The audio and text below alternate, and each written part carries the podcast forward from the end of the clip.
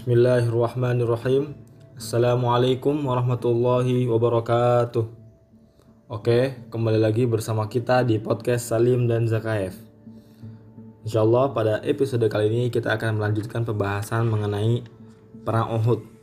Jadi setelah kaum muslimin semakin terdesak, nah dan peperangan hampir berakhir, eh, para wanita dari kaum muslimin mulai pada membantu kaum pria gitu.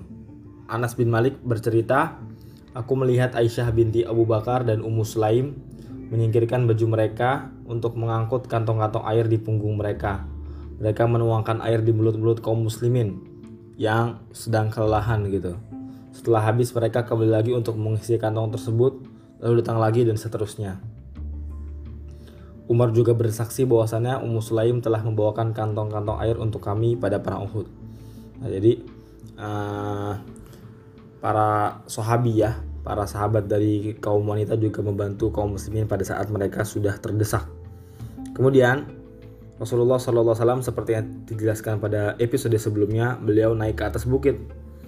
Kemudian Ali bin Abi Thalib menyiduk air menggunakan perisainya, lalu memberikannya kepada Rasulullah SAW agar beliau minum. Akan tetapi beliau tidak minum dikarenakan air tersebut eh beliau mencium bau tidak tidak sedap pada air tersebut sehingga beliau tidak mau minumnya. Kemudian akhirnya Ali bin Abi Thalib mm, menjadikan air itu untuk membersihkan darah dari wajah beliau gitu. Sambil berkata, Allah sangat marah kepada orang yang melukai wajah nabinya. Nah, setelah kaum musyrikin siap untuk kembali ke Makkah, jadi kaum muslimin sudah kalah, Abu Sufyan naik ke, ke bukit seraya berkata, Aku di tengah-tengah, apakah di tengah-tengah kalian terhadap, terhadap terdapat Muhammad? Maksudnya Muhammad masih hidup nggak gitu? Akan tetapi kaum muslimin diam. Kemudian Abu Sufyan berkata lagi, apakah di tengah-tengah kalian ada Abu Bakar? Kaum muslimin diam juga. Kemudian Abu Sufyan berkata lagi, apakah di tengah-tengah kalian ada Umar bin Khattab? Kaum muslimin diam lagi. Karena pada hakikatnya Nabi Muhammad SAW melarang mereka untuk menjawabnya. Abu Sufyan hanya menanyakan tiga orang tersebut karena Abu Sufyan tahu dan demikian pula kaum Quraisy tahu bahwa Islam itu tegak karena tiga orang tersebut gitu. Kemudian Abu Sufyan berkata lagi, ketiga orang tersebut cukup bagi kalian. Maksudnya, ya kami hanya ingin membunuh tiga orang tersebut. Kira-kira seperti itu. Umar pun akhirnya semakin emosi dan tidak dapat mengendalikan diri sehingga ia berkata, Wahai musuh Allah, orang-orang yang kamu sebutkan itu masih hidup. Allah masih melindungi orang yang akan membuat engkau berduka. Abu Sufyan berkata, di antara kalian, yaitu para syuhada muslim yang sudah meninggal terlebih dahulu, banyak yang dicincang. Aku tidak memerintahkannya dan aku tidak pula melarangnya. Nah, kemudian Abu, Abu Sufyan dan pasukannya beranjak pulang. Dia berseru, kami berjanji akan berhadapan lagi dengan kalian di Badar tahun depan Teriakan itu ditanggapi oleh Rasulullah SAW dengan menyuruh salah seorang sahabatnya untuk menjawab, "Baik, itulah janji antara kami dan kalian." Setelah itu, Rasulullah SAW mengutus Ali bin Abi Thalib untuk mencari kepastian tentang sikap kaum musyrikin. Beliau berkata kepada Ali, "Ukhruj fi atharil qaum fanzur madha yasna'un wa ma yuridun. Fa in kanu qad janabul khayla wamtatul ibil fa innahum yuriduna Makkah wa in kanu qad rakibul khayla wa saqul ibil fa innahum yuriduna al-Madinah walladhi nafsi biyadihi la in araduha la siranna ilaihim fiha thumma launa jizannahum artinya keluarlah dan amati gerak-gerik kaum musyrikin serta perhatikan apa yang mereka lakukan. Dan mereka hendak menuju ke mana? Jika mereka menuntun kuda dan menunggangi onta berarti mereka ingin pulang ke Makkah. Tetapi jika mereka menunggang kuda dan menggiring onta, berarti mereka mereka akan menuju Madinah. Demi Allah yang nyawaku berada di tangannya, jika mereka benar-benar menuju Madinah, aku akan segera berangkat untuk berperang melawan mereka. Selanjutnya Ali berkata setelah mengecek, aku segera keluar untuk mengamati gerak-gerik mereka. Ternyata mereka menuntun kuda dan menunggang onta menuju Makkah.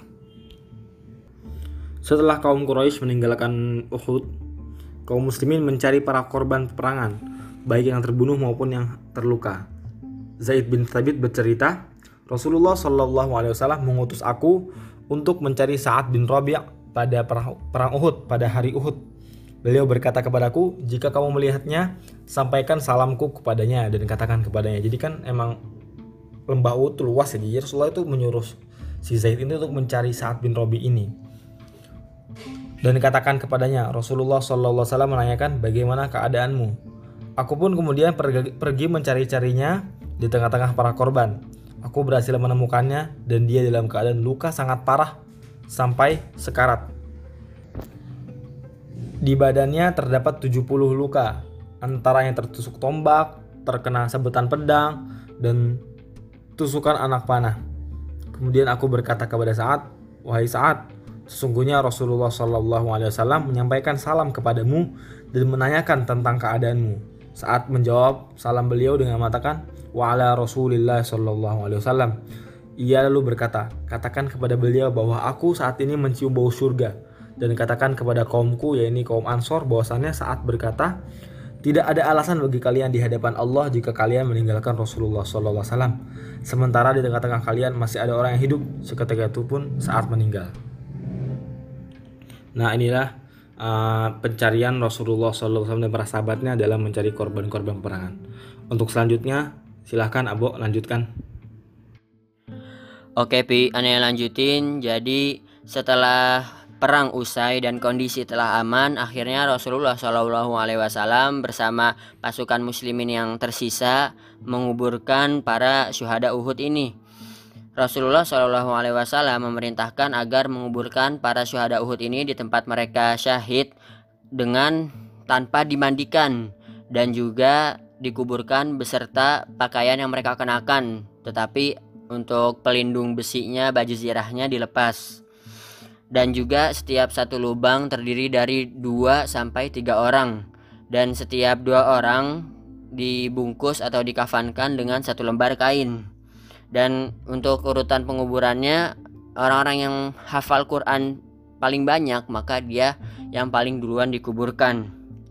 Pada perang ini juga Hanzalah mendapat julukan Ghasilul Malaikah karena saat itu ketika para sahabat mencari jasad Hanzalah akhirnya mereka ketemu nih sama jasad Hanzalah dalam kondisi ketika itu di sekitaran tempat Hanzalah wafat eh, banyak apa becek Nah, ketika ditanyakan kepada Rasulullah Shallallahu Alaihi Wasallam, Rasulullah menjawab, uh, tanyakan kepada keluarganya apa yang terjadi dengan Hanzalah. Akhirnya setelah diketahui Hanzalah ini perang dalam keadaan junub dan akhirnya waktu itu uh, Hanzalah dimandikan oleh malaikat dan akhirnya Hanzalah mendapatkan julukan Ghasilul Malaikah. Di sini juga jasad Hamzah paman Rasulullah Shallallahu Alaihi Wasallam seperti yang udah kita ketahui di banyak cerita Dikabarkan jasadnya ini sangat berantakan karena telah disayat-sayat oleh pasukan orang-orang dari kafir Quraisy uh, khususnya Hindun waktu itu ya yang memakan hati Hamzah bin Abdul Muthalib ini. Setelah menguburkan para syuhada Uhud, Rasulullah SAW memerintahkan kepada pasukan muslimin untuk kembali berbaris dan memanjatkan puji dan syukur serta mendoakan para syuhada Uhud yang telah meninggalkan mereka terlebih dahulu di perang ini. Setelah itu Rasulullah SAW kembali ke Madinah. Ketika kembali ke Madinah ini, Madinah telah menerima kabar duka dari para uh, uh, pasukan-pasukan Islam, prajurit-prajurit Islam yang tewas di perang Uhud ini. Dan Rasulullah SAW tiba di Madinah pada hari Sabtu tanggal 7 Sawal 3 Hijriah.